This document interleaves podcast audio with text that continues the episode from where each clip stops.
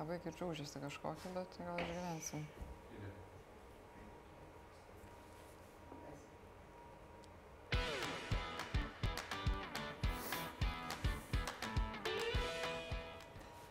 Labas vakaras, sakau visiems tiems, kas įsijungia tiesioginę Laisvės televizijos transliaciją. Ir nuo pat pradžių ačiū Jums visiems, kad ne tik įsijungiate, bet ir kad remiate mus. Ir tik Jūsų dėka šitas laidas galit matyti ir jūs patys, ir visa kita auditorija.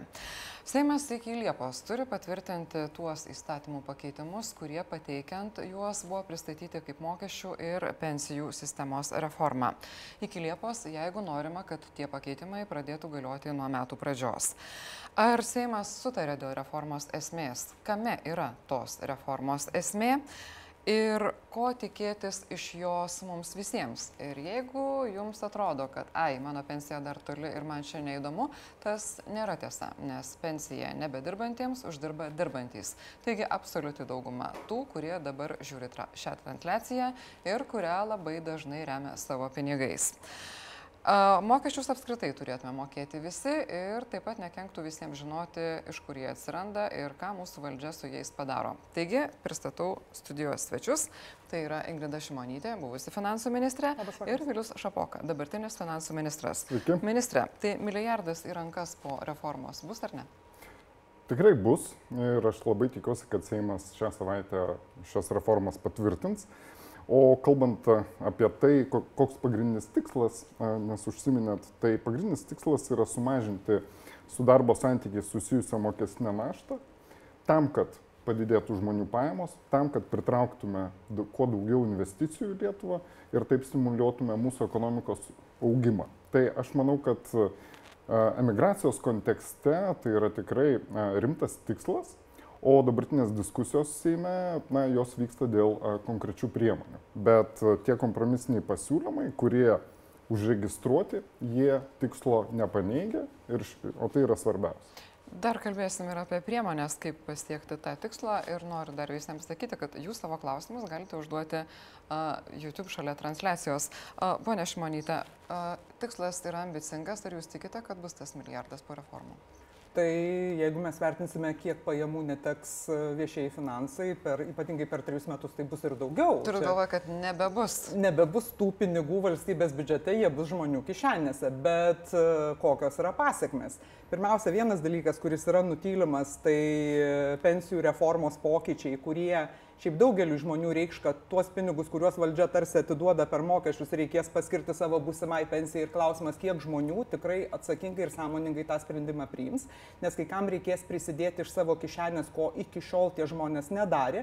Ir jų motivacija dalyvauti kaupime gali būti visiškai kitokia negu kad tų žmonių, kurie ir dabar kaupia pagal režimą 2 plus 2 plus 2.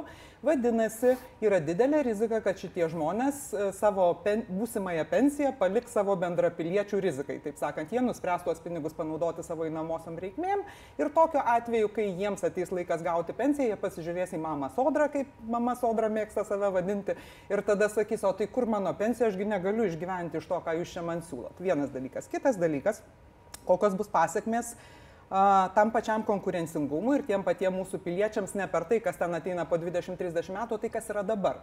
Tai yra visų pirma, aš kalbu apie viešasias paslaugas, apie švietimą, apie sveikatos apsaugą ir kitas viešasias paslaugas. Tai žinau, kad ministras yra už uh, siaurą ar ribotą ir mažą kompaktišką viešai sektorių, tačiau aš nebūčiau tikra, kad tokios pačios nuomonės yra didžioji dalis jį delegavusių valstiečių frakcijos narių.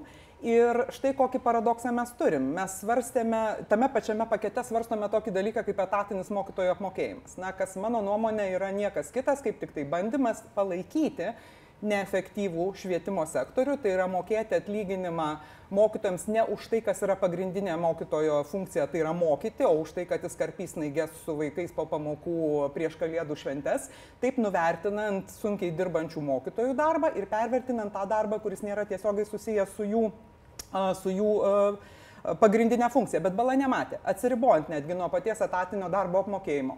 Štai diskutuojamas tas apmokėjimas Seime, Ir vienas kitas valstiečių frakcijos narys siūlo padidinti ten įvairias šakutes, na, kad tie mažiausi atlyginimai būtų šiek tiek didesni. Stovi švietimo komiteto pirmininkas tribūnoje ir sako, negalim pritarti, nes nėra pinigų.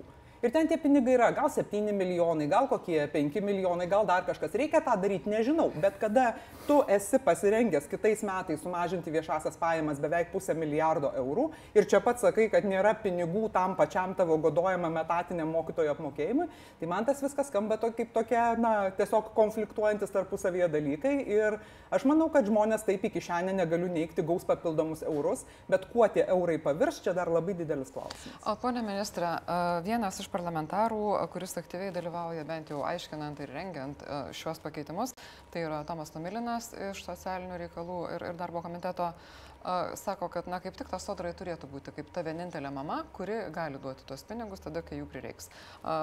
Pone Šimonytė sako, kad nebūtinai taip atsitiks, kai ateis laikas iš mamos tuos pinigus pasimti, iš mamos sodros turiu galvoje. Kokie yra jūsų argumentai, kurie gali įtikinti, kad bus tie rezervai? Na, kalbant apie pensijų reformą, kuri, kaip teisingai buvo pasakyta, kad labai yra susijusi ir su mokesčių pertvarka, nes numatytas ir tas kompromisinis variantas, kuris yra šiuo metu numatytas, jis nu, įtvirtina, kad sodros rezervas auks žymiai sparčiau negu kad pradinėme etape.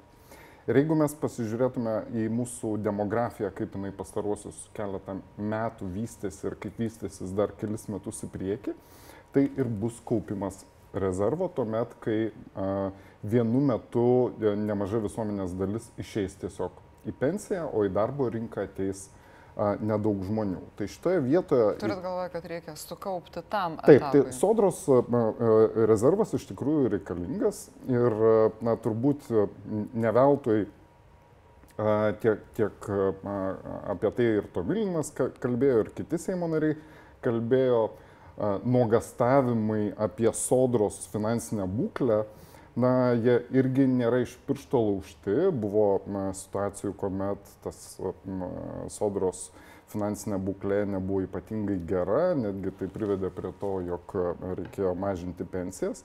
Atitinkamai noras turėti na, ir rodyti, kad sodra iš tikrųjų yra finansiškai tvari, aš manau, kad tas tikslas yra geras.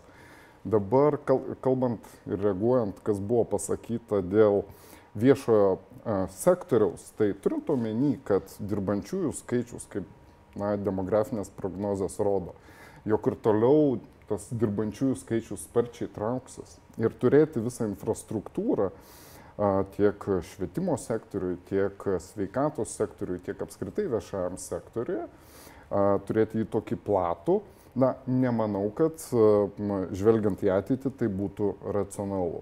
O kalbant apie skaičius, tai daug čia tais pusę milijardo, milijardais, tai diskutuokim sąžiningai. Neto efektas dabartinės mokesčių reformos viešiesiam finansam kitiem metam yra 140 milijonų.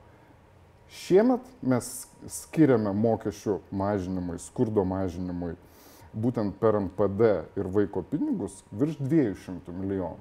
Dėl to piešti juodomis spalvomis, na, nemanau, kad tai yra sąžininga. Ministrai, jūs tik tai pasakykit, kad tas neto efektas yra tuo atveju, jeigu išsipildys jūsų prognozijas dėl šešėlinės ekonomikos ir pajamų surinkimo iš šešėlinės ekonomikos. Kurios tai, kol kas nesipildo. Na, kurios, aš linkiu ministrui sėkmės, bet faktas yra tas, kad tiesioginius biudžeto netekimus paskaičiuoti yra labai lengva, be jokios abejonės ekonomikos augimas atneš savo vaisių.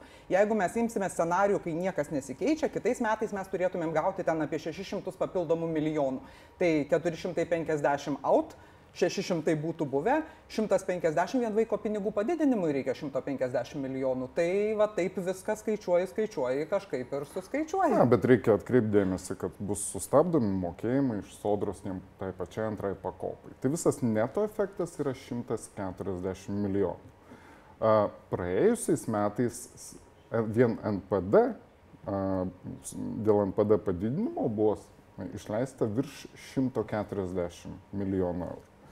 Nes mokesčių surinkimą lemia ne vien tarifo dydis, lemia užimtumo lygis, ekonomikos augimas. Tai e, turbūt sutiksit, jog 140 milijonų tai nėra tokio dydžio suma, e, kuri na, galėtų iššaukti kažkokias a, reikšmingas rizikas. O aš norėjau paklausti, va štai tikslas per tris metus padaryti mokestinę naštą su darbo santykiais susijusią mažiausia Baltijos šalise. Kas negerai su tokiu tikslu? Mato, toks tikslas neturi turinio. Ta prasme, nu gerai padarysi mokestinę, tai gali padaryti mažiausią pasaulyje. Klausimas, o kas iš to? Ta prasme, čia priklauso nuo to, kaip jūs apskritai į mokesčius žiūrite. Tai kaip jūs žiūrite į mokesčius, man yra gana aišku, nes mokesčiai man visų pirma yra įrankis sukaupti lėšas apmokėti už viešasias paslaugas, yra ten elgsenos koregavimo dalykų, yra pajamų perskirstimo dalykų, bet tai yra antrailiai tikslai. Pirmas dalykas yra vis dėlto socialinio kontrakto finansavimas. Tai čia mes galim nesutikti uh, ir turėti skirtingus požiūrius į tai, koks socialinis kontraktas yra optimalus Lietuvai, bet netgi atsiribojus nuo šitos diskusijos mes grįžkime tiesiog prie to, ką pati vyriausybė daro. Vyriausybė ką tik prastumė pro Seimą įstatymą apie finansinės paskatas šeimom kurtis regionuose. Taip, labai išreklamuota priemonė, nuostabi priemonė, kad šeimos dabar jums keltis į regionus. Gerai, atsiribokim nuo to, kiek iš tikrųjų e, tai bus paklausi priemonė, bet tam, kad šeimos, ypač jaunos šeimos, keltųsi į regionus, tai jom būtent ir reikalingas tas tinklas viešųjų paslaugų, kur jūs sakote, kad tą tinklą reikia mažinti, todėl kad jis yra neefektyvus. Tai klausimas, kaip jūs suderinat tuos tarpusavyje konfliktuojančius tikslus? Ar tai yra kompromisas tarp jūsų, kuris sako, kad mažas kompaktiškas sektorius yra gerai, ir tų, na, pseudo kompromisas, ir tų, kurie sako, kad jį reikia plėsti? Na, aš ne, turbūt nereikėtų mėtytis tarp uh, absoliučių ekstremų dabartinis viešasis sektorius Lietuvoje, turint omeny, kad per keliolika metų, kaip susitraukė gyventojų skaičius, kaip sumažėjo mokinių skaičius, kaip sumažėjo, kiek iš emigravo žmonių, o tuo tarpu mūsų viešasis sektorius neką labiau pasikeitė. Jo, bet ministrė, jūsgi žinot, kad kovoti su augančiom sveikatos priežiūros e, išlaidom, net ir mažėjant visuomeniai, bet jai senėjant ir uh, brankstant medicinos technologijom, yra toks gana beviltiškas dalykas. Ne, pa, pasižiūrėkime į, į mūsų uh, gyvensimą ir mūsų sveikatą. Pastaruosius metus uh, sveikata Lietuvos gyventojų pradėjo gerėti. Tai šitoje vietoje a, sakyti, kad mes turime a, išlaikyti, na, di, kad ir didžiulį universitetų tinklą, ar ne, a, turint omeny, kad tų studentų skaičius sumažėjo per pusę, na, turbūt, kad nereikėtų. Jo, bet mes pasižiūrėkime tai, kaip jūs sujungėt universitetus. Tai buvo pats keiščiausias sujungimas, koks galėjo būti. Gerai, grįžkim prie mokesčių. Ne, mes grįžkim prie to, ką mokesčių. Ne, ne, ne, grįžkim prie, prie mokesčių sistemos. Tai kuo mes esame įsitikinę, kad tas, tas tikslas patinka jis jums ar nepatinka, kad sumažinti su darbo santykiais susijusią mokestinę naštą, ką ir na, rekomenduoja visos tarptautinės organizacijos, ką šalis, su kuriomis mes konkuruojame dėl investicijų, jos lygiai tą patį daro jau eilę metų. Šitoje vietoje Lietuva išsiskiria, kad per vėlai pradėjo mažinti. Tai, kad mes nuo, tarkim, OECD šalių mes per 5 procentinius punktus nuo vidurkio atsiliekame. Tai kas negerai su šituo tikslu? Su tikslu nėra, ta prasme, tai nėra tikslas. Kad žmonės uždirba mažas algas ir mažom algom turėtų būti taikomi mažesni mokesčiai, aš su tuo neturiu jokių problemų. Bet tos pačios tarptautinės taip. organizacijos sako ir kitus dalykus. Taip, kad viešojo sektoriaus finansavimas vis dėlto išlieka kritiškai svarbus, todėl kad konkurencingumui, kaip mes čia bemėgtumėm kalbėti, kad kuo mažesni mokesčiai, tuo didesnis konkurencingumas, bet žiūrėkite į konkurencingiausias pasaulio valstybės, jos kaip bebūtų paradoksalu turi didžiausius mokesčius. Nesakau, kad mums tai yra pavyzdys, bet kame yra konkurencingumo esmė? Švietimo sistemoje, sveiki, socialiai saugus žmonės yra konkurencingumo elementai. Tai tada grįžkime prie to klausimo, kad gerai, mažos algos, maži mokesčiai mažom algom, neturiu problemų. Bet o tai kas tada vis dėlto apmoka socialinio kontrakto dalį?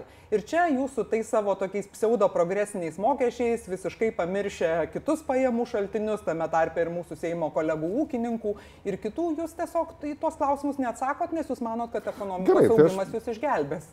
Gerai, aš tada paklausiu kitaip, tai ta, kokią mokesčių reformą darytumėt jūs? Aš manau, kad mokesčių reforma turi prasidėti iš kito galo. Ir ji būtent turi prasidėti iš to galo, iš konsensuso, kas yra socialinis kontraktas. Ir kai mes turime socialinį kontraktą, mes žinome, kiek o tai kainuoja. galima konkrečiau. Žiūrėkit, ministrė, jūs esate ministras ir čia aš galėčiau jūsų paklausti ir konkrečiau aš jums pasakysiu. Man atrodo tinkamas socialinis kontraktas maždaug Estijos lygio 34 procentiniai punktai BVP. Vadinasi, mums trūksta kelių procentinių punktų BVP tam, kad mes galėtumėm atlikti reformas ir išlaikyti tokį sektorių, kuris mums yra pakeliamas. Aš norėčiau Problemų? paklausti ministro, kur jūs matote reformą? į kurią įlieti iš mokesčių surenkamus pinigus į sistemą reformuotą jau tikrai nebebūtų gaila ne vieno euro. Kol mes pasieksim tos trūkstamus 3 procentus iki BVP, nuo BVP, BVP iki Estijos. Jo, jeigu pas, pasižiūrėtume į Estijos situaciją, Estijoje šiuo metu su darbo santykiai susijusi mokestinė našta. Bet žiūrėkime į Lietuvą. Yra, mažes, yra mažesnė negu Lietuvoje.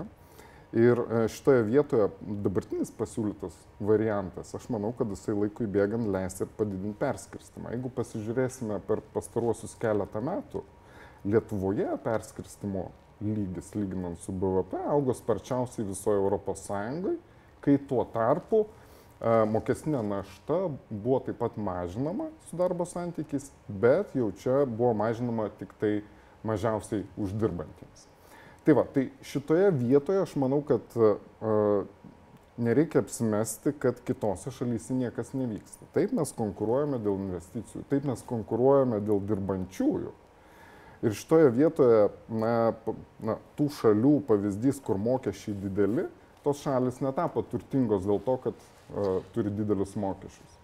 Jos iš pradžių tapo turtingos, o tada susitarė, kad štai valstybė, valdžia galima pasitikėti, jinai nekorumpuota, nėra na, kažkokių grobstimo atvejų, galima pasitikėti ir galima sudaryti tą naują socialinį kontraktą. Ar galime grįžti prie to, kokias rytis yra reformuota? Nes kai jūs kalbate, kad Lietuvos gyventojų sveikata gerėja, tai žmonės rašydami komentaruose mums sako, kad na, pagerėjo dėl to, kad eilės ir nebūtinai gali patekti pas gydytoją arba laukdamas išsigydai pats. Tai ar sveikatos priežiūros sistema yra reformuota taip, kad jau čia galime sakyti, va, ši čia yra ta socialinio kontrakto dalis, kur mes duodam na, pinigus ir visi patenkinti. Žinoma, kad situacija nėra tobula ir ne veltui vien, na, viena iš tų reformų ir buvo pristatyta uh, sveikatos srityje, švietime, inovacijų srityje. Ta prasme, pristatytos šešios reformos ir taip jos tarpusavėje su, uh, susijusios. Išėmus vieną na, iš tikrųjų tada galim, galime matyti, kaip tas namas subyra. Nu, bet imkim tai, tą patį etatinį darbo apmokėjimą. Etatiniam darbo apmokėjimui, jeigu mokėti mokytojams padorę OECD vidurkiais algą, reikia tik daugiau pinigų Imkime tą pačią sveikatos apsaugos reformą. Na tai iš esmės reikia arba didinti šeimos gydytojų skaičių tam, kad jie galėtų nukulti visus tos žmonės, kurie dabar sustos į eilę, arba žinoma būdas apribot galimybę pasinaudoti privačių medikų paslaugomis su ligonių kasų kompensacija. Nu, yra būdas taupyti pinigus, bet čia taip kaip su tais kompensuojamais vaistais, kai iš, išbrauki vaistą iš sąrašo, priemokos nėra, o kad žmogus 100 procentų kainos sumoka iš savo kišenės, tai jau sveikatos apsaugos ministerijos nebejaudina. Tai tokiais būdais realiai pokyčiai iš tikrųjų sistemose pačiose nevyksta. Nes tas pats etatinis darbo apmokėjimas mokytojų yra visiškai priešingas dalykas negu tai, ką jūs e, sakote apie viešąjį sektorių. Taip, jūs taip galvojat, e, bet e, turbūt pamatysim, kai bus reformos eiga. Tai šitoje vietoje kalbėti, jog na, dėl to, jog yra įvedamas etatinis apmokėjimas ir dėl to nereikalinga mokesčių pertvarka, tai su tuo negalėčiau sutikti. Na, ypatingai, jeigu pasižiūrėtume į, na, kad ir emigracijos kontekste. Na, mes kviečiame žmonės sugrįžti, mes kviečiame, kad čia perkeltų savo verslus Tai šitoje vietoje ir kurkime tą palankę aplinką. Teisingai, bet jiems žmonėms yra svarbu, kiek jiems reikės laukti mediko, jiems yra svarbu, kokiuose mokyklose mokysis jų vaikai, ar jums atrodo, kad jiems yra nesvarbu, svarbu tik tai 20 eurų kišeniai nuo algo šiandien. Dabar pasižiūrėkime į sumas, kurios skiriamos Lietuvoje švietimui ir tai pačiai sveikatos apsaugai. Ne, turbūt žiūrėti sumas nėra labai teisinga, ne. nes reikia žiūrėti, ką už tas sumas veikia. Per santykį. Tai kad ir per santykį irgi. Jo, tai aš manau, kad labai teisingai, ka, kas yra daroma su tomis sumomis. Jeigu pasižiūrėtume darbo užmokesčio fondą ir santykė su BVP, tai tiek švietimo sektorioje, tiek sveikatos sektorioje Lietuva yra virš ES vidurkio. Vadinasi, su pačiu tinklu yra negerai. Tai kas pasikeis įvedus etatinį apmokėjimą su pačiu tinklu? Na, tai na, jeigu tinklas nebus optimizuojamas, aš manau, kad taip iš tikrųjų tada išleisime žymiai daugiau pinigų. Tinklas turi. Kaip jis yra optimizuojamas?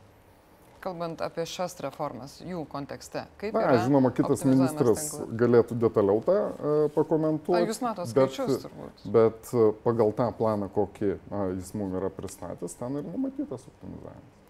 Planas optimizuoti buvo numatytas jau prieš beveik dviejus metus. A, Turbūt tų planų buvo ir prieš penkis, ir prieš dešimt, Aš bet niekam nepavyko. valdžią. Tai dabar aš tikrai tikiu ministro sėkme ir manau, kad tas planas tikrai bus įgyvendintas. Jūs apie kurį ministrą dabar kalbate, jeigu apie Ir, švietimo ap- ir, ir sveikatos srity, ir švietimo srity lygiai taip pat. Gerai, tai ar galim tada truputį pakalbėti apie tai, tai koks bus gyventojų pajamų mokestis? Ar jau yra dėl to sutarta? Ir Na, jūs- kompromisinis variantas, kuris e, yra užregistruotas a, Seime, tai yra a, 20 gyventojų pajamų mokestis ir 19,5 sodros tarifas. Ir jūs tikras, kad jūsų kolegos valdančioje frakcijoje vienodai vertina tuos kompromisinius registruotus siūlymus? Aš manau, kad vyriausybės variantas buvo geresnis, bet kadangi, kaip sakiau, tikslas išlieka tas pats ir po trijų metų rezultatas bus iš esmės tas pats, tai tikrai tikiu, kad ilgai diskutavę dėl šito sprendimas bus tikrai teigiamas. iš Seimo. Kai jūs sakote ilgai diskutavę, ar jūs tenkina diskusijų eiga ir kokybė, nes tarsi buvo pranešta apie vieną siūlymą, tada iš niekur nieko komitete įregistruojamas a, biudžeto ir finansų komiteto pirmininko siūlymas, apie kurį panašu, kad ir valdančioji dauguma nelabai buvo girdėjusi ir vargu bau išdiskutavusi. Kuo jūs tą galite papasakoti? Kaip jums atrodo, kodėl manau, taip yra? kad diskusijos na, eiga tikrai galėjo būti geresnė, buvo labai daug karštų a, diskusijų, tai tiek su pozicija, tiek su opozicija, bet a, galutinėme rezultate tas surastas kompromisas, na, jis atspindi vyriausybės tikslą. Tai manau, kad čia svarbiausia yra. Na, čia tiesiog skylė perkelta iš vieno biudžeto į kitą ir va toks ir kompromisas. Ponas Karbauskis yra didžiausias mokesčių specialistas, jo kompromisui būtent yra pritarta, tas manęs labai nestebina, bet esmė tai liko ta pati. Iš pradžių vyriausybė buvo kritikuojama už ką, na, už, apskritai valdžia už ką buvo kritikuojama, kad 2 procentiniai punktai sodros yra pervedami į antrą pakopą. Tai vyriausybė pasakė, gerai, tai mes nepervesim, mes jums duosim į kišenę, jūs patys pasidėkit, kas iš esmės yra tas pats rautas, tik tai už sodros biudžeto. Tai dabar nusprendė dalis valstiečių, kad ne, ne, ne, ne, ne taip, taip negalima, nes nu, čia kažkaip pensininkam turbūt tas nepatiks ir nepatiks, aišku, nes vis tiek žmonės nekvailyje greitai išsiaiškins. Tai tada sodrui palikim tą rezervą, kažkiek ten tegu tie pinigai kaupiasi, tą patį padarykim per gyventojų pajamų mokestį. Bet esmė ta pati, nes tai, kad kaupimas nau yra jūsų biznis, Aš nežinau, kiek daug žmonių girdi ir ypatingai kiek daug girdi tų žmonių, kurie šiandien dalyvauja tuo minimaliuoju vadinamu sodros 2 procentų variantu. O tokių žmonių yra apie 400 tūkstančių. Ir dar vienas klausimas, kuris tarsi galėjo būti na, ta vieta, kur buvo galima surinkti uh, pinigų į biudžetą ir ne tam uh, viešajam sektoriui, tai yra nekilnojamojo turto, mo turto mokesčiai. Kaip Jūs vertinate tai, kas dabar yra daroma uh, virsme nuo pradinių idėjų iki galutinio siūlymo? Ne, tai šitas pasiūlymas, manau, kad Seime turbūt nesusilauks palaikymo, nes akivaizdu, kad a, laikyti žmogų turinti du būtus skuodė buržujum dėl, vien dėl antro turimo būto, kai na, daug didesnės vertės, bet vienas, sakykime, turto vienetą turintis žmogus jokio nekilnojamo turto mokesčio nemoka, tai čia toks keistas teisingumas, aš nelabai suprantu tokio teisingumo ir man atrodo, kad biudžeto finansų komitetas irgi nelabai supranta, tai manau, kad tas pasiūlymas tiesiog e, negaus e, eigos ir na, tą sukalkuliuotą ministerijos e, poveikį, tas pajamas tiesiog teks pamiršti. O, Tikrai diskusija e, dėl nekilnojamo turto mokesčio jinai nusikels į rudenį ir aš manau, kad na, apsvarstysim na, įvairias alternatyvas, nes tikėtina, kad e, na, šiuo atveju biudžeto ir finansų komitetas na, imsis iniciatyvos. Na, jis jau įmasi.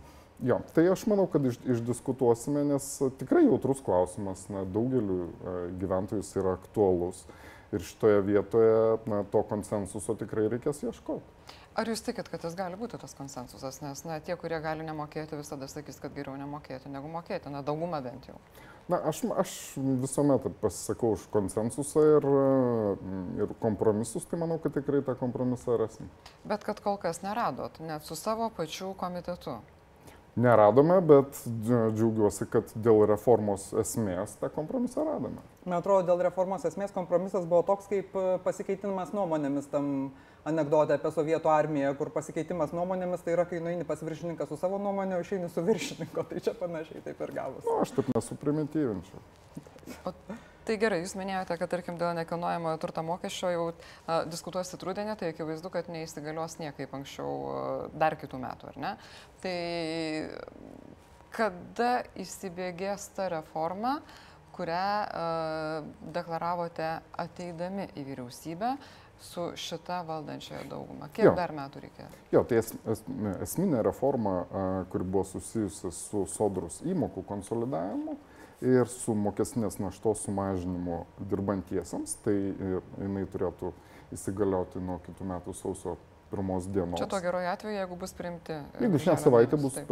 priimti ir aš tikrai labai tikiuosi, kad tie reikiami sprendimai bus priimti. Ne tik priimti, bet ir paskelbti. Todėl, kad mokesčio administravimo įstatymas reikalauja, kad įstatymai būtų ne tik priimti, bet ir paskelbti. Tai reiškia, kad ir prezidentė kažkur gale proceso turėtų stovėti su parkeriu išsitiesus ir laukti, kol Seimas jai išduos visą šitą paketą pasirašyti. Na, aš, aš ne, tikiu, kad m, prez, prezidentė tikrai supranta šito reikalo svarbą ir manau, kad m, neužtruks su sprendimu pasirašyti. Finalas net ir dabar numatomų veiksmų, tai yra numatyti veiksmai trejiems metams, vadinasi, tie paskutiniai metai dėl įvairių mokestinių dalykų yra atiduo- atiduodami jau kitos kadencijos Seimui ir jo formuosimai vyriausybei. Ar jūs tai galite vadinti savo pačių reformą, jeigu rezultatas yra paliekamas, na, tiems, kurie ateis po kitų rinkimų ir vis tiek kažkokia dalis tų žmonių bus kiti? Na, viena iš na, geros mokesčių sistemos savybių e, yra na, stabilumas. Tai šiuo atveju trimetis planas buvo na, daromas su mintimi, kad tiek a, na, gyventojai, tiek a, galimi užsienio investuotojai, tiek vietos investuotojų matytų, kuria kryptimi yra einama ir ta ateitis būtų prognozuojama.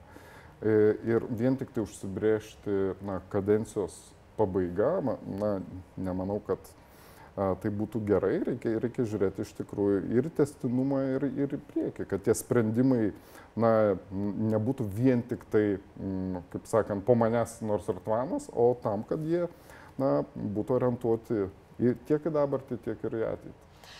Tomas Tomilinas, kuris na, dabar šiom dienom tikrai yra turbūt laikomas vienu didžiausių mokesčių ekspertų, nežinau kodėl tiesą pasakius, jis taip pat kalba, kad šie pakeitimai nepadės radikaliai pagerinti sunkiausiai gyvenančių žmonių, nes cituojant jį patį, tie žmonės staiga nepradės gerai uždirbti. Tai ką jūs ketinate daryti, kad tie žmonės gautų galimybę gerai uždirbti, o ne papildomus 20 ar 27 eurus?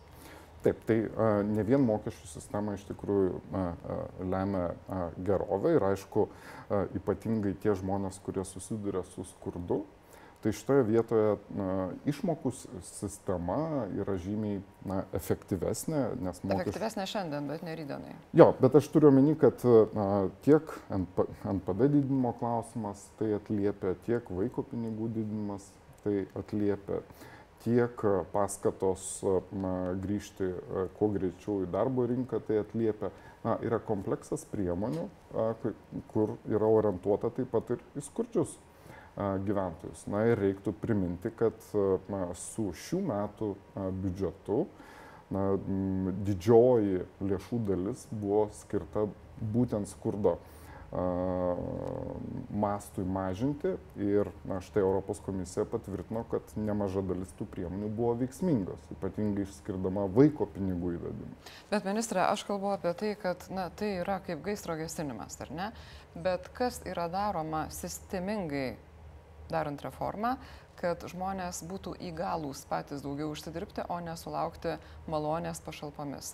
Arba, kaip prašo mūsų vienas žiūrovas, ką ruošiatės daryti, kad na, ra- radikaliai paskatintumėt smulkų ar vidutinį verslą. Na, ne, kaip čia per naktį tikrai Na, ne per visų, naktį, per visų problemų neišspręsime, buvo galima bet, bandyti kažkaip.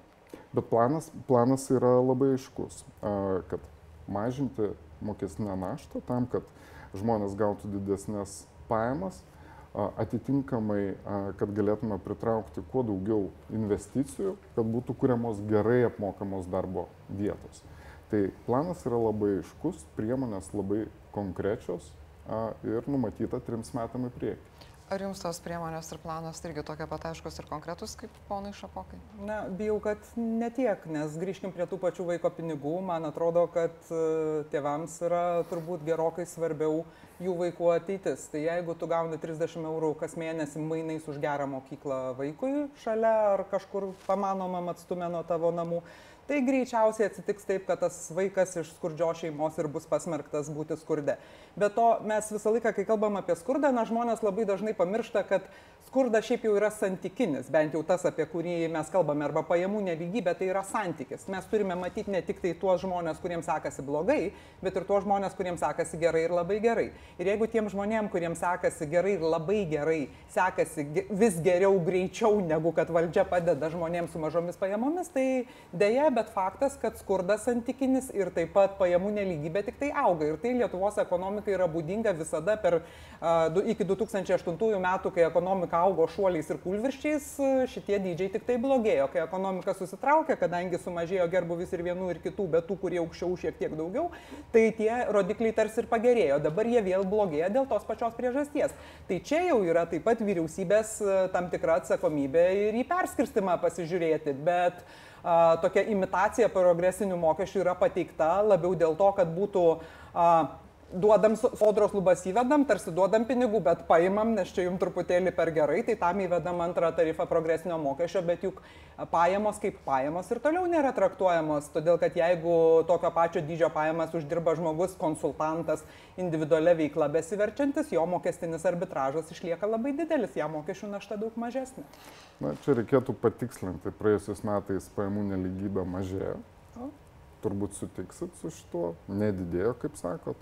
O kalbant apie individualios veiklos apmokestinimą, reikia prisiminti, kokie sprendimai buvo priimti na, praėjusiais metais. Na, mes turėjome sistemą, kur a, žmogus priklausomai nuo profesijos moka 5 arba 15. Tai šitoje vietoje a, sąlygas bent jau tarp individualios veiklos na, tarp žmonių, kurie užsima individualią veiklą, mokesnė sistema bus tvarkyta. Bet pajamų, kaip pajamų vertinti vienodai ir nuo pajamų ir gebėjimo mokėti, paprašyti Skir... prisidėti prie viešųjų paslaugų, taip ir nepaprašėt. Skirtumas egzistuoja sodriniai daly. Taip. Tai Taip, bet žinokit. tą reikia tiesiog pripažinti ir manau, kad... Bet dabar ateity... jis egzistuos, kada jūs pakeisite gyventojų pajamų mokestį, tai bazinė pensija, kurią jūs neva perkeliat į valstybės biudžetą, ją ir toliau finansuos žmonės dirbantis pagal darbo sutartis. Na, na, prisiminkim, kad praėjusiais metais vos pakeitė individualios veiklos sistemą, iš karto uh, kitais metais vėl pertvarkyti sistemą, Tiesiog nemanau, kad viską tai daryti toleregiška. Ir turim taip pat klausimą iš mūsų žiūrovų, ar mokesčiai pagal dabartinius siūlymus jūsų vertinimo yra nediskriminuojantis ir lygus ir teisingi visiems mokesčių mokėtojų, visoms mokėtojų grupėms, nepriklausomai nuo veiklos. Na, kalbant apie skirtumus tarp darbo apmokestinimo ir individualios veiklos, galima aišku skirtingai tai žiūrėti, bet nemažai šalių tas apmokestinimo lygis yra skirtingas. Kaip Na, Jūs vertinate dėl... Lietuvos a, siūlymus, kad būtų tokie mokesčiai? Aš manau, kad dabartiniai skirtumai, kurie egzistuoja, turi tam pagrindo dėl to, jog, na, užsimant individualią veiklą, tiek pajamos yra labai, na, kaip taisyklė, nestabilios. Taip pat a, žmonės prisima visą su tuo susijusią riziką ir na, rizikuoja visų savo. Jūs sakote žmonės, jūs turite galvoje tik tai ūkininkus ar ir kitus žmonės, nes daug žmonių rizikuoja savo pajamomis. Individualią veiklą. Individualią žurnalistai, na, ūkininkai, prekybininkai. Tai e, šitoje vietoje skirtumas e, pagrindinis, kuris egzistuoja, tai yra sodros e, įmokų pusė, nes iš tikrųjų individualioje veikloje sodros įmokų lubos yra ypatingai žemos ir mm, ūkininkam a, a, ta riba yra keliama tam, kad atitiktų a, kitos individualios a, veiklos ir manau ateityje, kaip a, a, Ingrida sako, a, reikės kelti tą socialinio kontrakto klausimą dėl to, jog šitie žmonės. O kodėl praktiškai... ateityje, jeigu mes kalbam apie būtinybę peržiūrėti socialinio kontrakto klausimą, kas lygų reformos klausimą dabar? Na, šitoje vietoje vėlgi negalime paimti ir staiga kelis kartus padidinti mokestį, na, tam pačiam žurnalistui, ar ne? Buvo galima kartų. ir padidino ir kažkaip klausia, kas jums blogai. Ir, ir čia reikėtų na, tikrai atsakyti į klausimą, jeigu žmonės, kurie savo esmė nedalyvauja pensijų sistemoje, ar jie būtų linkę reikšmingai mokėti daugiau, nors jų pensija nuo to ypatingai smarkiai nepadidėtų. Nes kai mes sakome, kad jie a, moka žymiai mažiau, bet jie ir negaus šitoje vietoje na, kai jiems ateis laikas gauti pensiją, tai jie tada veikiausiai bandys ieškoti savo tokios valdžios, kuri parūpins e, tą įsipareigojimą tiesiog kitų mokesčių mokėtojų sąskaitą. Čia nereikia, nereikia jokios Amerikos atradinėti. Ir visą laiką tokia rizika, vat, kas ir dabar, tarkim, yra keliama, kad a, dalyvaukite antroji pakopai, mes jums nemažinsim sodrinės a, e, pensijos ir taip toliau ir panašiai. Tai sodros įsipareigojimai patiliukais yra didinami